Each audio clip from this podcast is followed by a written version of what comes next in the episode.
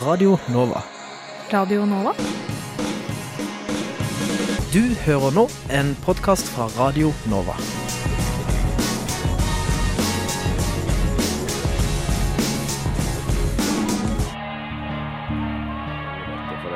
Det hovedspørsmålet det hadde vært siden eh, Noam Chomsky etablerte den greina av lingvistikken som, som jeg befinner meg i. Vi håper jo på breiest mulig oppslutning om SV, og jeg tror at det eneste som kan få norsk løsner båndene mellom staten og kirka, og forhåpentligvis fører til tettere bånd mellom kirka og folk. Så hadde de gjort som andre frigjøringsbevegelser i verden, hadde de helt legitimt kanskje tatt i våpen. Og så direkte skildring av menneskeskjebner tror jeg ikke vi har sett eh, i noen annen nyhetsdekning av noen annen terroraksjon. Det er såpass store forskjeller mellom den kalde krigen, hvor det var to supermakter som sto mot hverandre, eh, og den situasjonen vi har i dag.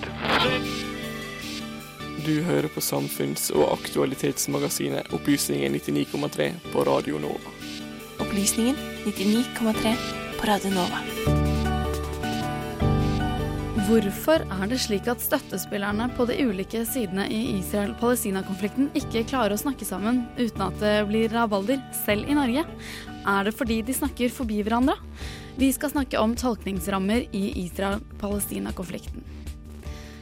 Hvordan kan du spise politisk korrekt? Matjournalist Yngve Ekern gir oss oppskriften. Tidligere nyhetsanker i NRK, Christian Borch, har kommet med ramsalt kritikk av nyliberalismen. Vi har fått ham på besøk. P-stasjon har en innvirkning på den enkelte nordmanns selvfølelse og identitet. De sliter, og de har ikke råd til å betale eh, markedspriser for, for gassen. Akkurat nå hører du på Radio Novas samfunns- og aktualitetsmagasin, Opplysningen 99,3. God formiddag og velkommen til Opplysningen 99,3 fredag 6. mai. Vi gir deg dyptpløyende analyser, reflekterte debatter og engasjerende samfunnsforskning. Så om en time er du kanskje ørlite mer opplyst. Og i tillegg til de nevnte saker skal du få et gjenhør der vi har spurt hvor god er egentlig norsk bistand? Mitt navn er Signy Grape. Radio Nova. Det norske bandet Razika ble, som mange har fått med seg, hetset etter å ha blitt avbildet mens de gikk bak Palestina-komiteens parole om å boikotte Israel i 1. mai-toget. Israel-venner har tatt avstand fra trakasseringen, men har like fullt kritisert bandet for uvitenhet og ikke forstå Israels side av saken. Og hendelsen har slik fulgt den samme oppskriften som det meste av Israel- og Palestina-debatt fortoner seg. Det er to klare blokker på hver side, med totalt forskjellige virkelighetsoppfatninger. Der det er lite rom for å møte hverandres argumenter. Anja Sletland, du er samfunnsgeograf og har skrevet doktorgrad om nettopp hvordan Israel-Palestina-konflikten tolkes så ulikt ved Universitetet i Oslo. Velkommen. Takk. Hva var utgangspunktet for at du ville skrive doktorgrad om tolkningsrammer i denne konflikten? Det begynte vel egentlig med en observasjon for en, en god del år siden om at uh, det ikke finnes noe nøytralt utgangspunkt for å diskutere Israel-Palestina-konflikten. Det er sånn Uansett hva du tar utgangspunkt i, så blir det konflikt om det. Um, og dette var noe jeg så um, altså både i den norske debatten, og jeg så det i, i med, um, min egen masteroppgave. Jeg skrev om amerikansk Midtøsten-politikk, og jeg, så det litt, jeg jobbet litt i FN. og det, det som uh, det som skjedde da, eller det som jeg på en måte observerte, var at hvis noen begynner å trekke frem internasjonal lov, så blir det da konflikt om hva internasjonal lov sier, um, og hvordan det kan brukes i denne sammenhengen. Hvis noen uh, oppsummerer noe som har skjedd i, i konflikten, så kommer det andre tolkninger uh, av absolutt hver eneste hendelse. Og hvis man begynner å snakke om liksom hvordan media tolker konflikten, så blir det en debatt om medias rolle osv. Så, videre. så det er sånn, en sånn eksplosiv, selvgenererende konflikt.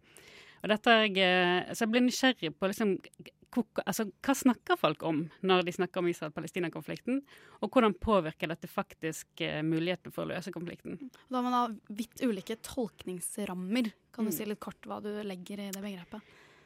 Ja, altså det er veldig vanlig å tenke at det finnes liksom et, et israelsk perspektiv, et palestinsk perspektiv eller et pro-israelsk eller pro-palestinsk perspektiv, men det er vel mer det at uh, det finnes en grunnleggende ulike forståelser av hva denne konflikten handler om. Um, og også altså, hvilket system som kan, kan faktisk um, få slutt på konflikten. Uh, og det er Um, og det kan man da kalle diskurser om konflikten, eller eventuelt man skal kalle det narrativer eller ideologier, alt dette som.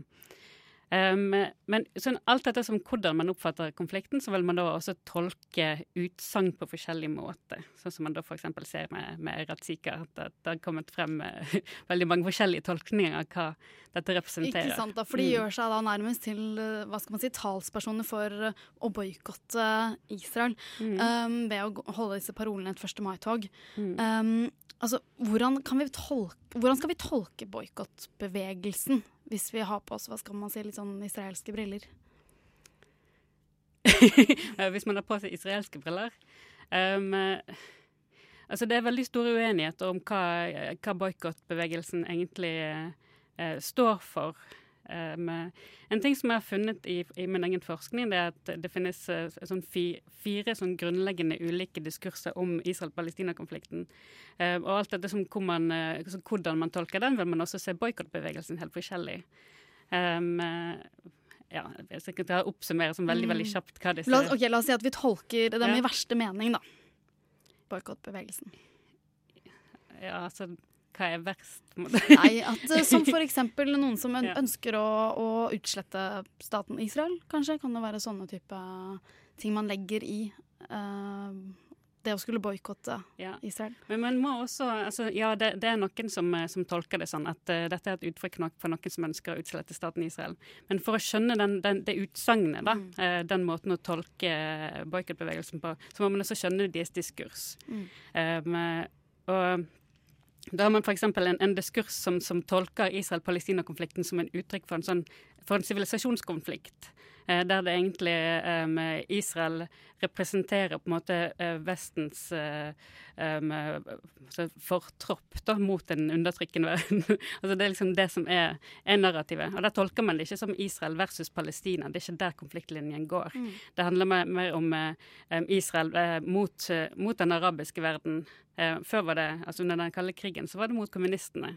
så det er på en måte bare den samme konfliktlinjen som har, har endret um, hvem som står på den andre siden. Men det er på en måte det samme narrativet. Um, og de som, altså de som tol tolker konflikten på den måten, um, ser på um, boikottbevegelsen som en måte å si at Israel ikke får lov til å forsvare seg. Så når de, når de ser f.eks. Um, la oss si krigen i Gaza, um, og de ser um, missiler, de ser De hører om uh, Ja, også om som um, kritiske bemerkninger fra FN, uh, fra EU, uh, om, uh, om Israels handlinger, så ser de på det som en måte å hindre Israel i å forsvare seg sjøl. Mm. For de ser på, denne, på Israel som en, på en, en, måte å forsvare det jødiske folket. Ja, og man kommer vel ikke unna da historien her, for å si det mm. sånn, og holocaust. Og at kanskje da Israel ses på som en helt reell frihavn for jøder i verden i dag. Ja. Mm. Ja, og da er det, men det er, dette er et helt ektefølt um, Hva skal man si, en eh, helt reell følelse hos mange på israelsk side. At de rett og slett frykter for uh, sitt folk. Ja, det er det. Og det ser man altså både blant de um, La oss si de som ser på dette som litt mer sånn sivilisasjonistisk, eh, det eksempelet som jeg ga eh, tidligere, men også blant de som har et mer sånn nasjonalistisk syn på denne konflikten. Um, som, eh, som, ser på da, konflikten mer som en, en, en, en, kamp mellom to nasjonale grupper for det samme territoriet. Um, de ser også på dette som um, jo, som, som, en måte å forsvare det jødiske folket. Uh, og de er kanskje spesielt opptatt av, av den, den, historien med, med holocaust. At uh, altså, Før andre verdenskrig så hadde, hadde jøler um, fulle sivile rettigheter i Europa, og de blir bare plutselig tatt fra dem. Uh, så det de er redd for, det er at dersom ikke det finnes en, en egen jødisk stat, så vil ikke det, det finnes noen mulighet for å forsvare ja, det, jødiske folket. Det blir helt synonymt, det, da. Det er jo på en måte besvare, uh, forsvare israelsk og jødisk da, stat mm. uh, Israel. Det er helt synonymt med å forsvare jøder som ja, folk. Mm. De ser på det rett og slett som mm. et synonym. Og den um, så bare det å se en plakat med noen som boikotter Israel, eh, det ser de på det som en, et, et, angrep på hele statens Israel sin, eh, sin eh, evne til å forsvare seg, da. Men det er jo helt åpenbart at uh, de fleste, som Razika, som man kan kalle hva skal man si, pro-palestinsk side, mm. uh, de er jo ikke antisemitter. Uh, hvorfor tolkes de allikevel sånn? Ja. Um, dette kommer litt av at, at, det finnes mange forskjellige diskurser om hva antisemittisme er for noe. Um, vi snakker om to forskjellige ting. Nei, vi er ikke antisemitter. Ja. Og så vil jo, jo, ifølge mine definisjoner, så er det jo det. Ja. ja. Um, og dette handler litt igjen om at uh, det er så ufattelig vanskelig å diskutere Israel-Palestina-konflikten. Det er nettopp at det er så politisert, uh, at, og det gjør at folk ikke skjønner hverandre når de snakker. Um, på pro-Israel-siden så har det blitt etablert en, en, definisjon på hva det vil si å være antisemitt, som, er, som um, de kaller som tre d-er som er uh, demonization, um, delegitimization og double standard. Um, og der mener de at dersom man f.eks. Um, kritiserer Israel for, uh, for, ting som man ikke kritiserer andre for, for la oss si f.eks. Saudi-Arabia, um, så er det da et, et, tegn på at det egentlig er jødene man går ut etter. Uh, og at, at, det egentlig er et uttrykk for fordekt jødehat. Um, og det er jo um, altså Veldig mange på, på uh, pro-Palestina-siden vil vel egentlig heller si at det er, det er um, Israel som slipper billig unna. Altså nettopp det at Israel gjør mange ting som man aldri ville akseptert av noen andre. Og, og, dermed så er det altså en veldig stor uenighet om hva dobbeltstandarden her mm. er for noe. Men hvis man betrakter Israel som en venn, så er det vel greit å nettopp være ekstra kritisk mot uh, sine egne nære? Ja, Det er det som er vanlig å tenke på innenfor pro-Palestina-siden. Eh, men på, fra veldig mange av pro-Israel-siden så tolker man det ikke sånn. Altså Man ser ikke vennligheten i det. Um, nettopp pga. at de tolker, tolker den kritikken litt i verste mening. Mm. Mm. Um, og så hvordan Hva skal man si? Denne veldig satseposisjonen. Hvordan får det utspill i de faktiske fredsforhandlingene eller avtaleforhandlingene mellom Israel og, og palestinerne? Hvordan kommer dette til uttrykk der? Mm. Um, la oss si det sånn at um, Israel og palestinerne oppfatter sånn kjernen i konflikten på helt ulike premisser. Der, uh, for palestinerne er det først og fremst okkupasjonen som er problemet, og også sånn spørsmål om historisk rettferdighet. For, for Israels side så handler dette om sikkerhet for den, den, jødiske staten, og med det også um, for det jødiske folket, som de mener at det vil sikres gjennom en anerkjennelse av Israel som jødisk stat. Um, sånn at De har en sånn helt grunnleggende ulik premiss om hva man egentlig snakker om her. Ja, du har kalt liksom forhandlingene nærmest som en slags uh, kafkask mareritt uh, med helt ustabile og uoversiktlige ja. normer. Ja, det er virkelig det. Og det gjør at, uh, altså, siden, siden, de ikke kommer noen vei med å diskutere um, altså De ser på hver, absolutt hver eneste lille sak de diskuterer ut ifra helt forskjellige premisser. Um, som det gjør at det er veldig vanskelig å se om, om Eh, om noen faktisk inngår et kompromiss, eller om de egentlig står fullstendig på sitt. um, det gjør at det blir mer en sånn maktkamp om premisset, der man prøver å liksom sabotere for hverandre. Fordi det, er det eneste de har å gå på. Og så har de hele tiden en sånn krav om at de må vise velvilje for å forhandle. Fordi ellers blir de liksom the bad guys. Men, ja, dette er komplisert, men du har altså helt, helt frivillig valgt å nettopp forske på dette. Hvordan har det vært? Hvilke hva skal man si, tolkningsrammer har du måttet har du befunnet deg i? altså det er litt sånn Når man forsker på skjærsilden, så blir man litt brent, og det lukter litt svidd hele tiden. Så det er jo eh, Det er et veldig vanskelig tema. Um, det er kanskje litt av problemet for å løse konflikten nå, at man nettopp at forskningen klarer ikke å ta den følger nettopp opp de samme dikotomiene, på en måte. Ja, den mm. gjør det. Det er faktisk veldig vanskelig å komme og si noe nytt i akademia nettopp pga. at alle tidsskriftene har liksom en etablert um, tolkning av konflikten. Um, også sånn når jeg har sett på um, altså, uh, Israels rolle i USA det er den samme debatten har foregått i 30 år, med nøyaktig de samme posisjonene. Da får vi nesten bare takke deg for at du har eh, forsøkt. Uh, Anja Sletland, du er altså samfunnsgeograf ved Universitetet i Oslo, har skrevet uh, avhandlingen om Israel- og Palestina-konflikten. Akkurat nå hører du på en podkast fra Radio Nova. Det er lett å gi opp i mylderet av gode og mindre gode råd for hvordan vi skal eh, spise rett. Vi vil ha ingredienser som bidrar til god helse, som ikke gjør at dyr har det vondt, og er bra for kloden. Men hvor er oppskriften? Med oss i studio har eh, vi for å snakke om dette deg, Yngve Ekern. Du er matblogger og tidligere matjournalist i Aftenposten. Velkommen. Takk. Du skrev i tidsskriftet Prosa essay 'Full gass i tarmen', der du stiller spørsmålet du får til stadighet som matjournalist. Hva bør jeg egentlig spise i denne skakkjørte verden? Ja, hva bør vi egentlig spise? Ja, der kommer det mange gode råd fra mange hold. Eh, felles for dem er at det ofte dreier seg om hva vi ikke skal spise. At det dreier seg om dietter som skal utelukke bestemte råvarer, og da skal man liksom bli sunnere. Men hvis vi går bort fra bare å tenke på egen helse, men på hele klodens helse, så er det f.eks. For fornuftig å spise mindre kjøtt. Det har vel de fleste fått med seg. Og FN forteller at eh, klimautslippene fra kjøttproduksjon tilsvarer omtrent eh, det som kommer fra bilkjøring. Altså er det betydelig. Så det er et godt råd, syns jeg. Men gjør vi egentlig det? det er, jeg sånn, tenker selv med meg, ja, med meg selv. Jeg tenker at å, jeg, jeg, har lyst til å spise litt mindre kjøtt. Men jeg er ikke sikker på om jeg egentlig gjør det. Det er nok flere og flere som gjør det. Et tegn på det er at i morgen er det en vegetarfestival i Oslo som trekker voldsomt mye mennesker, og flere og flere hvert år. Så det er stor interesse rundt det å diskutere kjøttforbruket vårt. Og det diskuteres også i politiske fora.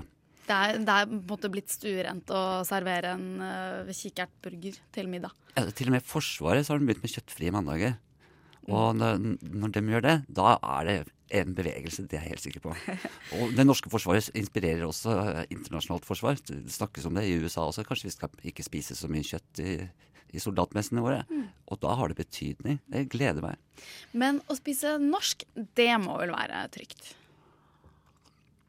Spise norsk er generelt tryggere enn å spise importert. Fordi at vi i Norge har strengere regler, f.eks. når det gjelder bruk av antibiotika i, i matproduksjon.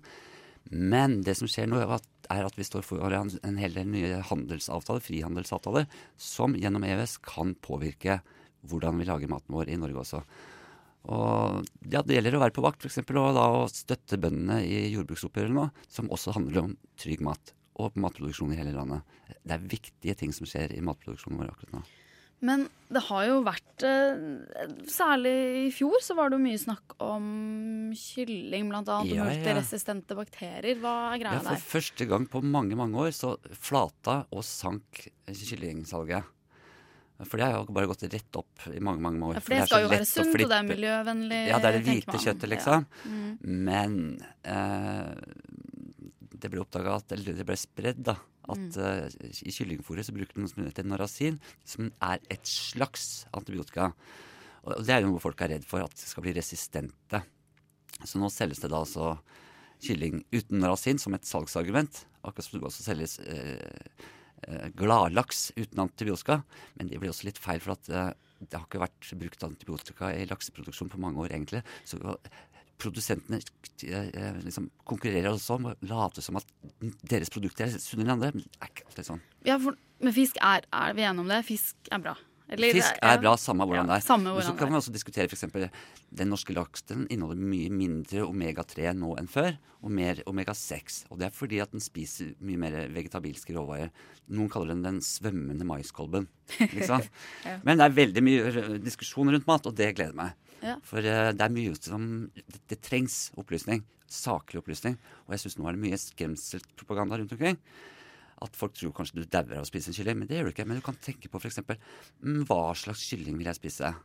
Hva slags egg vil jeg ha? Skal jeg ha fra frittgående? Skal jeg ha en kylling som har vokst uh, sakte og, og, spist sunnere mat, f.eks.? Eller skal jeg ha en kylling som er vokst fra 40 gram til 1,5 eh, kilo på 30 uker og er ganske ja, hvis et menneske hadde vokst like fort, så hadde det blitt, hadde vært 100 kilo etter en måneds alder.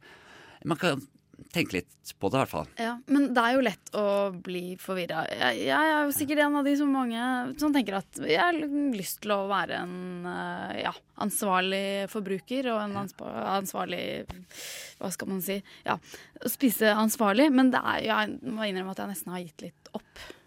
Fordi det kommer så mye Det er så mange råd, og først ikke sant, man, man tenkte at laks var sunt, og så var ikke det sunt lenger. Kylling er ikke sunt Ja. lenger.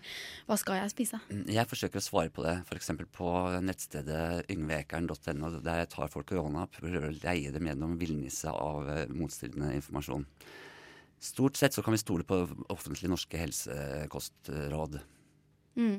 Men alle disse, du, du nevner jo i, i essayet ditt, alle disse matbloggerne. De uh, har mange meninger. Det er noe som heter var det Foodmap? Hva er det for Ja, noe? det er en ny trend som også inkluderer ting du ikke skal spise. Som da handler om eh, å unngå irritabel tarm. Ja. Uh, det er det veldig mange som er opptatt av, flere og flere. Men jeg tror nok at uh, hvis du skal unngå å være løende i magen, så det nok bare spise sunnere generelt. Så du tenker at det er ikke så mye i, i det? Alt disse her Nei. sånn fermenterte Nei, folk har sånn sug etter å få svar. Ja. Og da blir det ofte sånn spesielle dietter av noe slag. Men stort sett, ja. Før i tida så var det sånn at folk spiste omtrent det samme. Om du var arbeider, funksjonær eller bedriftseier, så spiste du det Ingrid Espelid lagde på TV. Det, det var for vår generasjon. Mm. Og det er greit, men nå ser vi en slags sånn polarisering av eh, spisevanene våre, hvor noen få spiser veldig mye økologisk og kortreist og veldig sånn fjongt og dyrt, mens i den andre enden så er det flere, flere som spiser ja, skal vi kalle det Grandis, da. Drittmat. Og jeg syns det er synd at vi får en sånn eh, polarisering av Så det å være matvanene. midt imellom, det er liksom ikke spennende Midt imellom er slett ikke så dårlig, men da bør vi også vurdere f.eks. kjøttforbruket. Mm. Men vi har snakket om eh, Israel-Palestina-konflikten eh, Ja. før musikken i stad.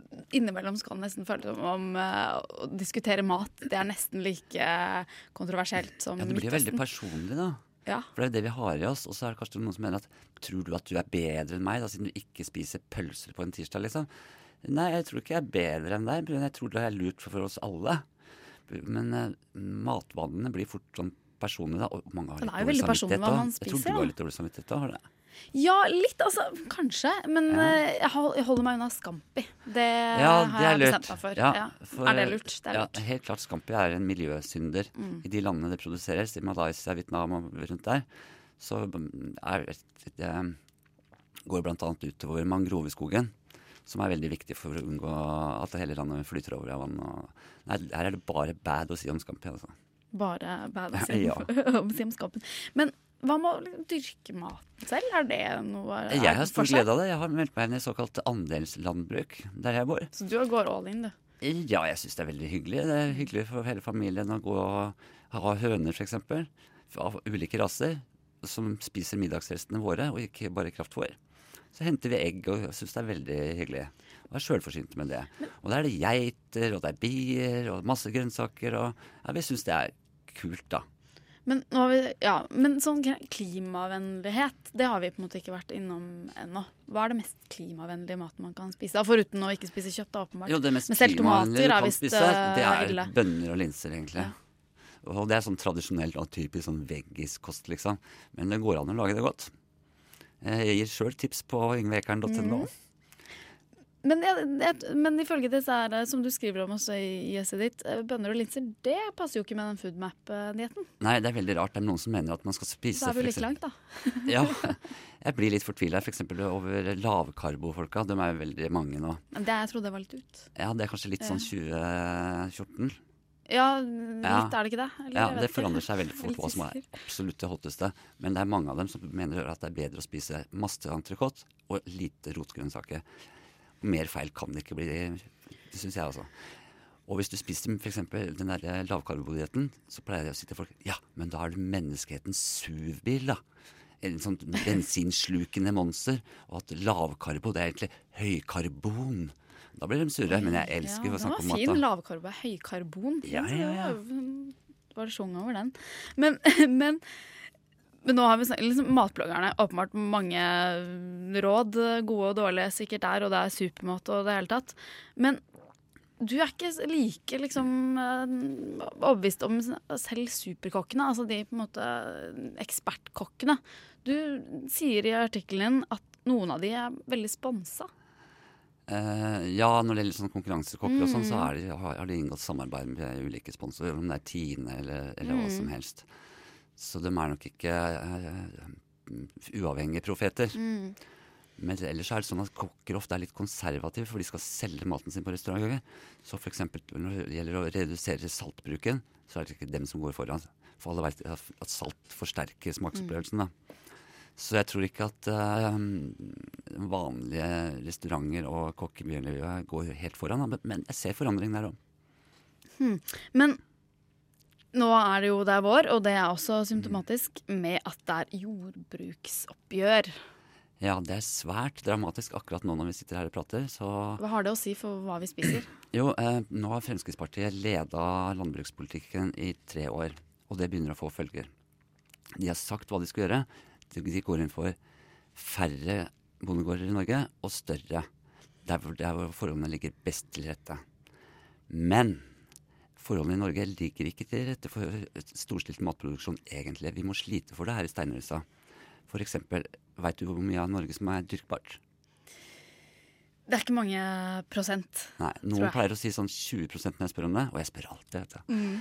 Men det er i virkeligheten 3% Så vi må, bare, 3%. vi må bare gønne på og dyrke alt vi kan på hver eneste lille jordlapp. Sjøl om det ikke er lønnsomt i sånn Frp-økonomisk forstand, så må vi gjøre det. Så det foregår en kamp. Og den handler også om ja, rett og slett hva vi har på matbordet. Den avgjør hvordan mm. vi skal ha det i Norge. Om vi skal ha liv i distriktene, og hva vi skal spise. Og vi skal verne om uh, vår relativt sunne småskalalandbruk, f.eks. Det er veldig avgjørende i årene som kommer. Okay. Skal vi ta en kort oppsummering? Mm. Hva skal jeg spise i helgen uh, nå for å være mest mulig politisk korrekt? Uh, du skal ja, Siden det er helg, så kan du unne deg et lite kjøttstykke. Men altså, du skal vurdere hvor det kommer fra. F.eks. økologisk er alltid bedre. Jeg spiser, spiser, bare kjøtt fra produsenter jeg veit av. Eksempel, hvis det skal være gris, så er det Grøstad. Hvis det er kylling, så er det Holte. For noen er alltid bedre enn andre. Men det går an å lage seg eksempel, en chili sin carne. Altså en bønnegryte uten kjøtt, men med f.eks. Uh, Chili sin carne. Ja, ja. Det elsker jeg. Noe av det beste jeg vet. Da tror jeg vi stopper der. Eh, takk til deg, Yngve Ekern, matblogger og tidligere matjournalist i Aftenposten, for at eh, til og med eh, opplysningen får litt mattips. Takk til deg. Akkurat nå hører du på en podkast fra Radio Nova. Nå skal du få et tidligere sendt uh, intervju der Hanne Kjærland Olsen har intervjuet uh, tidligere nyhetsanker i NRK, Christian Borch altså, om nyliberalisme. Etter en lang karriere som utenriksreporter og nyhetsanker tar Christian Borch pensjonisttilværelsen, hvis man kan kalle det, ikke med ro. Nylig ga han ut boka 'Banalitetens tyranni', den tredje i en serie om det moderne Europa. Et hardtslående oppgjør med nyliberalismen, har den blitt kalt. I boka så ser han på de lange linjene der spørsmål om penger, lønnsomhet og effektivitet vurderes mot og før de menneskelige verdiene. Nå er han i studio for å fortelle om boka si. Velkommen, Christian Borch. Takk skal du ha. Aller først, eh, hvorfor gir du ut denne boka? Eh, vel, jeg er et skrivende menneske, og det gjør at det er vanskelig å stoppe kjeften på meg, holdt jeg på å si, i skriftlig form. Dette er min trettende bok alt i alt, og som du sa, den tredje i denne serien. Eh, det henger sammen med mange forskjellige forhold. Men for det første fordi jeg, jeg, liker å skrive. Det er en måte å tenke på. Det er en måte å uttrykke seg på. For det andre fordi at jeg har jo levet av dette her et langt liv. Eh, for det tredje fordi at jeg har jo sett sammenhenger i et langt liv som utenriksreporter, og sett tendenser utvikle seg som jeg ikke alltid har kunnet fortelle om i sin sammenheng. Dels fordi at uh, journalistikken i radio og fjernsyn er relativt, hva skal man kalle det for noe, sånn litt kuttet i begge ender. altså Den er i hvert fall sånn ganske fragmentarisk. Og da har du et veldig sånn der ulmende behov for å sette tingene sammen i en større sammenheng, og kunne forklare hvordan tingene henger i hop med hverandre. og Det er i grunnen drivkraften bak dette. Boka må kunne kalles en uh, sterk kritikk av nyliberalismen. Uh, hva var nå det igjen? Nei, det, det, kan du si. Altså, Med nyliberalismen så sikter jeg til den politikken som fikk dominere Europa fra 1980 ganske nøyaktig. Da hadde Maggie Thatcher sittet ved makten i et halvt år i Storbritannia. Du fikk Ronald Reagans Reaganomics i USA, drevet av den samme visjonen. Og du fikk en konservativ bølge over det meste av Europa som en slags reaksjon på at det gamle sosialdemokrat politiske etterkrigsprosjektet på en måte var avsluttet i 70-årene. Eh, den hadde en visjon om at slipper du kapitalen og initiativet fri, så vil du få et mer konstruktivt, produktivt samfunn. Og det tror jeg nok er riktig på mange måter. Det er en del av den konservative kapitalismen. Men de skiller seg fra den konservative kapitalismen fordi de trapper ned uten å gi noen erstatning for det sosiale samfunn, altså for det som tar vare på menneskene, for det som gir taperne et uh, spillerom. Kort sagt det Adam Smith definerte som et sikkerhetsnett under borgerne. Og da blir det altså bare uh, penger, penger og penger som blir faktisk normen for hva som er vellykket og hva som ikke er vellykket.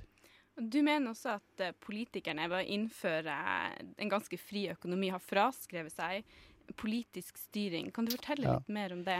Nei, altså Poenget er jo ganske enkelt det at hvis dette skal fungere slik som Maggie Thatcher og de andre liberalistene tenkte på det tidspunkt, så var det jo nødvendig at politikken holdt fingrene fra fatet i noen grad og lot kreftene få spille fritt. Og deres store visjon var jo at hvis du slutter å statsdirigere utbyggingen av næringslivet for å holde liv i distrikter rundt omkring. Hvis du slutter å holde puter under armene på folk, så vil initiativet komme i kraft av seg selv. Og det har et naturlig gen, slik at du vil skape naturlige samfunn på den måten. Men problemet var at ved å trekke seg tilbake, så åpner de jo et rom for at finansmarkedene i stor grad kan definere sine egne arbeidsbetingelser. Og de er altså, for å si det uhyre forsiktig, overhodet ikke besjelet av noen visjoner om at de har et samfunnsansvar. De er rene egosentrikere, hvor profittfaktoren er helt toneangivende. Og dette kommer da i økende grad til å dominere politikken og styringen av fellesmidlene i samfunnet i lang tid fremover. Hvordan kunne en sånn endimensjonal eh, nyliberalisme få et sånt eh, fotfeste og hegemoni? Jeg tror mye av årsaken var den at, at, folk ble grepet av en slags begeistring over at det skjedde ting plutselig. Altså Det som før hadde virket, begynt å virke litt trått og traurig, det var nå plutselig begynt å bli gledesfylt fordi folk fikk bøtter opp spann av penger mellom hendene. Altså folk kunne låne, ikke sant. Og uh, en reklameindustri som var uten enhver form for sosial samvittighet og ansvarsfølelse, biffet jo opp disse her materialistiske idealene.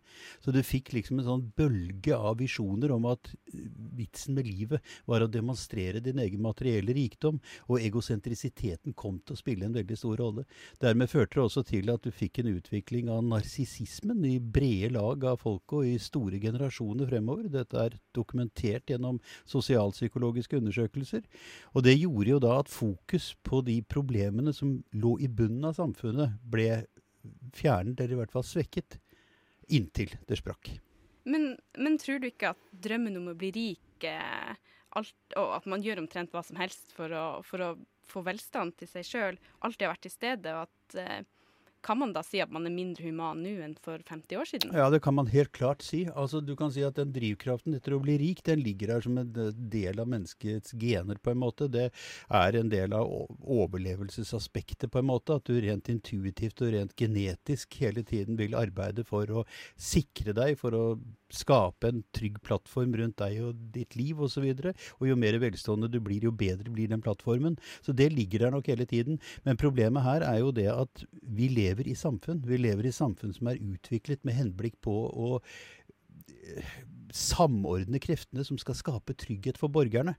Og det er også drivkraften i den konservative kapitalismen. Altså dette med at samfunnet må legge et sett av normer og regler, velge dette gjennom diskusjon, gjennom en åpen parlamentarisk prosess, og så si at dette er samfunnets rammebetingelser, og innenfor dette kan man altså la det private initiativ utfolde seg. Og den første forutsetningen er altså neglisjert i den æraen du har hatt fra 1980 og frem til bruddet kom i 2010. Mm. Du mener at denne nyliberalismen også kulminerte i den økonomiske krisa i Europa i 2008-2009? Jeg mener jo helt klart at den skapte den økonomiske krisen. fordi at finansmarkedene, som jo fikk nærmest fullstendig kontroll over dette Du så jo hvordan bankene utviklet seg, og hvordan bankenes belønning av sine egne slapp fullstendig bakkekontakten opp gjennom denne perioden. De definerte jo kredittsystemene. Altså de, de definerte jo gjelden som en kreativ økonomisk faktor.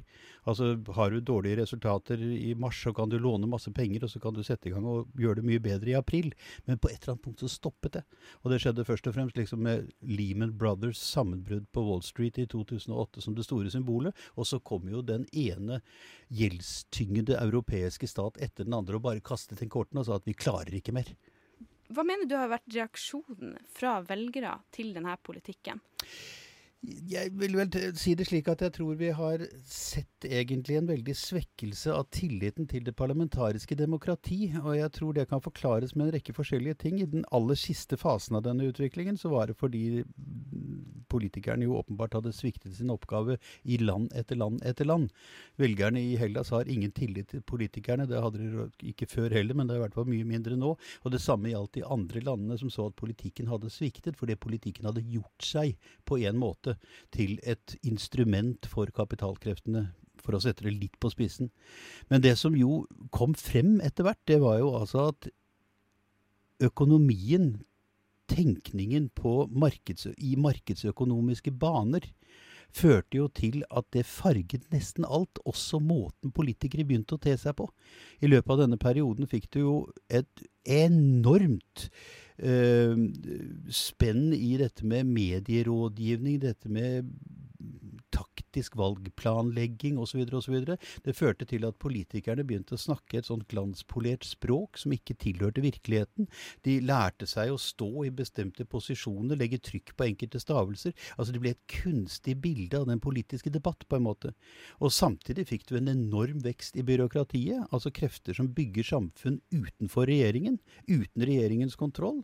Og samtidig ser du altså at parlamentet, i hvert fall i, i land som Norge, ikke har den innflytelse over den politiske styringen som regjeringen i realiteten har ansvaret for. Ikke at kontakten er dårlig, men det er bare rett og slett det at de kan ikke, de kan ikke altså styre det verket som egentlig i lang, stor grad styres av embetsverket. Og dermed svikter tilliten, altså følelsen av å tilhøre et demokrati, med alt hva det innebærer, deltakelse, engasjement, forståelse for osv., osv., evaporerer sakte fra velgermassen. Du har jo vært med å starte opp en ny podkast nå som heter Du verden, som har blitt veldig godt mottatt eh, i Norge. Eh, det får vel kanskje tilbake trua på at ikke mm, mennesker nå er så narsissistiske likevel? Jeg tror at altså, den, den, tro, den, den, troen fikk jeg tilbake ganske fort etter at jeg så hva som skjedde da, da gjeldskrisen rammet for alvor. Fordi det har jo vært en veldig vekst i krefter som ønsker å gjøre noe med samfunnet, som ønsker å ta et grep. Og du ser jo de unge menneskene som kommer inn på arenaen nå, i, i de søreuropeiske landene spesielt, de er altså historiens best utdannede. Det er klart de menneskene eh, lever jo med det faktum at det er 50% sjanse for at næringslivet aldri har bruk for dem. Så de står altså overfor en dramatisk arbeidsledighetssituasjon. Men de henfaller jo ikke til selvmedlidenhet og naver av den grunn. Det de gjør, er at de går jo ut i verden og prøver å finne løsninger på tidens problemer, men de leter etter noe som ikke primært skal gi dem personlig egosentrisk profitt, som jo var drivkraften for utdannelse opp gjennom 80-årene, i Norge bl.a., hvor alle måtte bli geologer eller siviløkonomer eller sivilingeniører for å tjene penger på oljeindustrien. Altså det, det er helt andre måter å tenke på du ser kommer frem nå. Og du ser en enorm vekst i de frivillige organisasjonene, som jo på mange måter har kommet til å definere den politiske dagsordenen i større grad enn det politiske sjikt. Mm. Du er kjent som utenriksreporter og nyhetsanker, men våre lyttere vil kanskje også kjenne deg som rådgiver i programmet Lørdagsrådet på P3. Hvilke råd vil du gi våre lyttere, altså Europas framtidige ledere, for å få bukt med denne situasjonen? Ja, det var jo et problem som vi ikke vanligvis tar opp i Lørdagsrådet, da, for å Nei. si det sånn. Det er liksom litt mer individuelle greier. Nei, altså poenget er jo det at vi, vi, Og det er vel det, for å komme tilbake til det du spurte om med, med, med Du verden. Det er jo altså Oppslutningen om den podkasten viser jo at folk er jo betydelig mer seriøse enn kommersielt tabloidpresse reflekterer. De er altså betydelig mindre opptatt av kjendisers ve og vel ikke sant, enn man skulle tro. Det er en trang til å trenge inn i de faktiske problemene, finne årsaker og sammenhenger og gjøre en forskjell med det. Og mitt råd er jo at man forfølger den tanken, altså er ærlig mot seg selv og prøver å lete etter verdiene, de faktiske verdiene i livet, og ikke de vi har fått oss tilført av en glanspolert juksemaker menneskeforførende reklameindustri, som jo har fått dominere altfor mye i premissgivningen i våre samfunn. Helt til slutt, eh, hvor deilig er det nå som du ikke lenger trenger å framstå som upartisk nyhetsanker, og kunne si det du mener? Nei, det, det, var en, det, var en, overraskende følelse av lettelse. En slags eufori. Plutselig å oppdage hva det var for noen ting. Jeg hadde jo for så vidt da hatt mitt liv kontrollert fra jeg dro til sjøs som 17-åring. Det var noen som liksom hadde satt opp vaktplaner for meg hele veien bortover, som jeg måtte følge. Og det var jo særlig et problem dette at jeg satt da ti år som nyhetsanker i Norges største nyhetsredaksjon. Og det er klart, der kan du altså ikke flagge personlige meninger. Du må holde en skarp nøytralitet, i den forstand du må kunne stille alle skarpe spørsmål til alle alle parter, men du må ikke gi inntrykk av at du er talsmann for et synspunkt. Og så oppdager jeg plutselig da at det er, det er liksom et lokk som blir fjernet, og vomp, så stiger det liksom et kaos av farger og lys og lukter og smaker opp fra gryta. Og det var ganske morsomt. Og det preget jo sant, skrivingen av denne siste boken, så det var mye morsommere enn de forrige jeg har skrevet. på en måte. Mm. Tusen takk for at du kom i studio, Christian Borch, nyhetsanker, journalist og forfatter av boken 'Banalitetens tyranni'. Radio Nova. Og det var altså Hanne Kjærland Olsen som hadde intervjuet eh, Christian Borch eh, tidligere i våres. Nå får du enda et gjenhør der jeg stilte spørsmålet Hva er god bistand? Internett og smarttelefon er ikke lenger forbeholdt Vesten.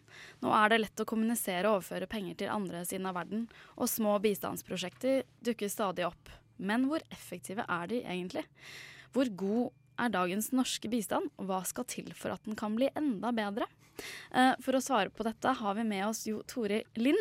Du er førsteamanuensis ved Økonomisk institutt ved Universitetet i Oslo. Velkommen. Tusen takk.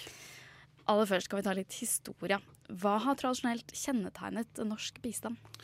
Nei, altså Bistand er noe vi har drevet med en, ja, siden andre verdenskrig ca. Eh, litt etter. Altså det, store tanken begynte med Marshallhjelpa. Eh, og dette funka stort sett ganske bra i Europa for å bygge opp eh, Europa etter andre verdenskrig. Eh, og så begynte man å tenke at kanskje man burde gjøre noe, noe tilsvarende for resten av verden, fordi mye av resten av verden var jo veldig fattige. Så norsk bistand begynte en gang sånn eh, på 50-tallet, sånn i små, eh, små skritt. det første var vel dette Kerala-prosjektet, hvor vi skulle da eh, få indiske fiskere i eh, Kerala til å eh, bli like effektive som de norske fiskerne. Og måten man gjør det på, er å sende like fine båter som vi har, og så eh, prøver å få dem til å bli omtrent som oss. Et stort prosjekt hvor vi på en måte forteller dem hva de skal gjøre. Eh, og, altså, dette har vært veldig utskjelt, og mange mente at de var helt forferdelige. Og på noen måter så var det det. Eh, men det var nok en del effekter av det også. Men det var litt Noen tjente mye på det, og ikke så veldig mange tjente så veldig mye på det. Eh, men veldig lenge så var det litt dette at vi skal fortelle dem hvordan de skal gjøre det. Vi skal ha store prosjekter, vi skal bygge en vei, vi skal bygge en fabrikk. Vi skal eh, få ting til å fungere sånn som det er i, i Europa. Um, Fram til en gang sånn på 70-80-tallet, hvor man fant ut at dette her funker ikke. Det, det var litt sånn avlat fra fordums tid, Det er litt avlat. Ja. Uh, og litt Altså bare de, bare de, blir som oss, så blir alt fint. Uh, og vi vet dette best, så vi må reise ned og gjøre det for dem. Uh, fordi disse stakkarene vet ikke hva de skal gjøre. Um, men så ble det mange store skandaleprosjekter hvor dette altså det, det, det, fungerte ikke. Det kunne fungere en stund, og så trodde vi vi hadde fått ting på beina, og så forsvant vi, og så datt alt fra hverandre. Så fra en gang fra 80-tallet så ble det vel en eh, tanke om at um, de fattige landene mer skulle styre ting sjøl. Ehm, uh, Den tanken begynte å komme på 80- og dele, særlig på 90-tallet. Uh, på 80-tallet er det en sånn annen tanke som begynner å komme. At man må legge mer føringer på, uh, på hva landene skal gjøre for å få bistand. det er på en måte ikke nok at det er fattige land. De må også oppføre seg pent. Eh, og særlig på 80-tallet så var å oppføre seg pent det samme som å ha en minst mulig stat og um, innføre markeder for flest mulig ting. Altså det som ofte kalles for Washington-konsensusen. Altså en sånn triangel mellom um, Verdensbanken, IMF og delvis amerikanske interesser, som um, nok gjerne forbindes med høyresida. Og hvor store deler av europeisk, iallfall venstreside, uh, var ganske skeptisk. Fra um, en gang på 90-tallet um, så fant man ut for det første at den liberalisering, eller li, liberale um, politikken kanskje ikke funka så veldig godt. Altså Den var, førte til større fattigdom, at noen rike kanskje ble rikere, men at de store gruppene ikke vant så mye på det. og så var man mer fokus på litt det samme som vi hørte i reportasjen. Altså fotballag og sånne små eh, sivilt samfunnsprosjekter. Få, litt sånne ting på beina. For det er et samfunn hvor, hvor ingen hvor ingen, ingen, sånne ting fungerer. De, de, det kan på en måte ikke fungere som et land heller. Så man tenkte at man skulle prøve å bygge det litt fra bånn, og så kommer det etter hvert. Og det er en tanke som jeg tror fortsatt er der i stor grad. Um, så det har vært mange ender, av skalaen, for å si det sånn. Og hva, Veldig mange ender av skalaen. Hva vil du si på en måte karakterisere norsk bistand i dag? Så man kan si noe sånn, Det er så enorme mye penger og mange ja, det, prosjekter. Det, det er kjempestore si beløp. Det er veldig mye vi, vi, bruker penger på. Altså, en av de tingene vi bruker ganske mye penger på, er uh, det som heter budsjettstøtte. Altså at vi støtter statene uh, som er fattige. Og det er på en måte at de vet best hva som er bra for seg sjøl. Så vi bare putter penger rett inn i statsbudsjettet? Man nesten bare putter penger rett inn i statsbudsjettet. Det er litt føringer på hva de skal bruke det til, og litt ettersyn og sånt nå. Men dette er litt skummelt fordi ganske mye av det kan forsvinne i steder vi egentlig ikke har tenkt det skulle forsvinne. Ja, og det har vi jo hørt om en en ja. del ganger også. Ikke sant. Men du har forsket på og skrevet om små bistandsprosjekter, og du har konkludert med at mindre og lokale prosjekter er som regel bedre enn store og nasjonale prosjekter. Hvorfor er du kritisk til de store prosjektene? Nei, store prosjekter eh, er fine på den måten at de er store. altså De kan på en måte gjøre noe stort hvis, man, hvis, de funker. Men problemet er at de ofte er veldig vanskelig å få til å fungere. Hva er et eh, stort prosjekt? bare sånn veldig kort? Bygge en fabrikk, bygge en kjempestor vei, bygge en kraftstasjon. Eh, kraftstasjon. Det er et stort kraftstasjon er et stort prosjekt. Eh, og det er et prosjekt som hvis det hadde fungert, hadde vært kjempefint, for det trenger de i mange av disse landene. Men det er så vanskelig å få til. Eh, det er så veldig sannsynlig at det går på ryggen. Eh, og da det krever kanskje en god infrastruktur og et ja. godt oppbygd stats... Man trenger på en måte et statsapparat og noen institusjoner og noen som gjør jobben sin. Og på en måte mange etter hverandre som gjør jobben sin. Eh, mens mindre prosjekter er på en måte ikke så Det går ikke så gærent hvis det går gærent. Um, og det er, altså det er, jo ganske mye forskning på hva som fungerer av bistand. Um, og noen sånne bistandsskeptikere sier at nei, bistand fungerer ikke. Det beste er at vi bare glemmer bistand og trekker oss ut. Men det er eh, stadig så kommer det eh, rapporter og um, ordentlige forskningsarbeider som viser at helseprosjekter, utdanningsprosjekter, eh, prosjekter hvor man prøver å støtte kunstgjødselbruk i landbruk og sånt, noe har kjempestore effekter. Eh, Iallfall så lenge de er i liten skala. Så det er, det er masse vi vet at kan fungere. Eh, men det som er litt vanskelig, er å oppskalere dette her og få det å skalere fra å ha en liten kommune hvor man uh, hjelper bøndene å bruke kunstkjørsel, til å få et helt land hvor man hjelper dem å bruke kunstkjørsel. Men hvem er det man når, spesielt med de mindre bistandsprosjektene? Som man kanskje ikke når med de store, f.eks. bygge et kraftverk? Ja, man prøver jo ofte å treffe i hvert fall de forholdsvis fattige. Altså de, eh, de, aller fattigste av de fattige er notorisk vanskelig eh, å, å, å, å, møte på noen som helst måte. Fordi de er, de er, så, de er så fattige, og de er ofte så skada av å ha vært fattige i lang tid. Eh, men på en måte de, de, de nest fattigste kan man, kan man, hjelpe ganske mye. Eh, og selvfølgelig hvis man klarer å plukke opp barna på et tidlig tidspunkt, så kan man på en måte hjelpe, hjelpe dem til å ikke bli de fattigste av de fattige. Eh, og det er, det er, en god del tiltak man har funnet for å f.eks. Uh, få mer effekt av, av læring for, for, for, barn. Fordi etter hvert så er det ganske mange barn som går på, på barneskole i de fleste fattige land. Problemet er at de lærer ikke noe der. Eh, Bl.a. fordi læreren ikke kommer på barneskolen fordi han får så innmari dårlig lønn at han har bedre ting for året. Eh, og de har ikke bøker, og de har ikke materiell osv. Så, videre. så hvis man kan gjøre noe for at de faktisk lærer noe når de også er på skolen Uh, Man kan få, få bedre helse ved uh, altså enkle kurer for mark i magen og sånn, noe som kan ha store effekter på egentlig veldig små tiltak. Mm. Kan, kan, ja. Men uh, disse mindre prosjektene de drives jo ofte av privatpersoner som ikke nødvendigvis har kompetanse og bistand, kan ikke i enkelte tilfeller handle like mye om selvrealisering som faktisk en reelt ønske om å hjelpe? Det tror jeg helt sikkert. Uh, altså, jeg tror det er Um, altså Det er nok en gård som ikke fungerer så veldig bra. Og iallfall som ikke har den store sånn utviklingseffekten i det helt sånn store bildet. Uh, men det kommer litt an på hva vi ønsker å få til. Men så lenge du har en enkeltperson å passe på, uh, så, så, så, fungerer en god del. Altså litt av problemet med store prosjekter er at uh, ingen kan på en måte gå og følge alle pengene hele veien. Mens med et lite prosjekt som noen føler eierskap til, og her har jeg samla inn pengene, her skal jeg bruke det til noe, så passer det jo på at det, det, det, kommer dit det skal. Veldig kort til sist. Hvis du hadde vært eh, bistandsminister, hva ville du gjort med norsk bistand da? Um, Jeg, ville, øh, jeg er veldig opptatt av at vi skal prøve å sikre at de tingene vi bruker penger på, faktisk virker. Øh, så at vi faktisk også bruker noen ressurser på å evaluere på en ordentlig måte om det går til noe fornuftig.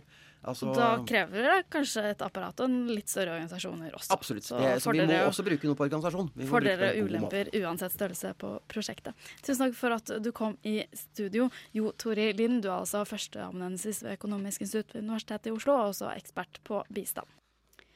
Og det var denne ukas eh, sending. Vi er tilbake neste fredag mellom klokken 10 og 11. Tekniker i dag har vært eh, Petter Pettersen. Eh, medvirkende til ukas sending har vært Hanne Kjærland Olsen og meg, altså Signe Grape. Hør oss igjen når som helst på Radio Nova. Sjekk oss ut på SoundCloud, eller last oss ned som podkast. Neste ut på kanalen er Studentnyhetene, og der får du bl.a. høre kritikk av UiOs miljøsatsing. Vi avslutter med Ole Funken og Boble. Radio Nova. Du har hørt en podkast fra Radio Nova. Likte du det du hørte? Du finner flere podkaster i iTunes og på radionova.no.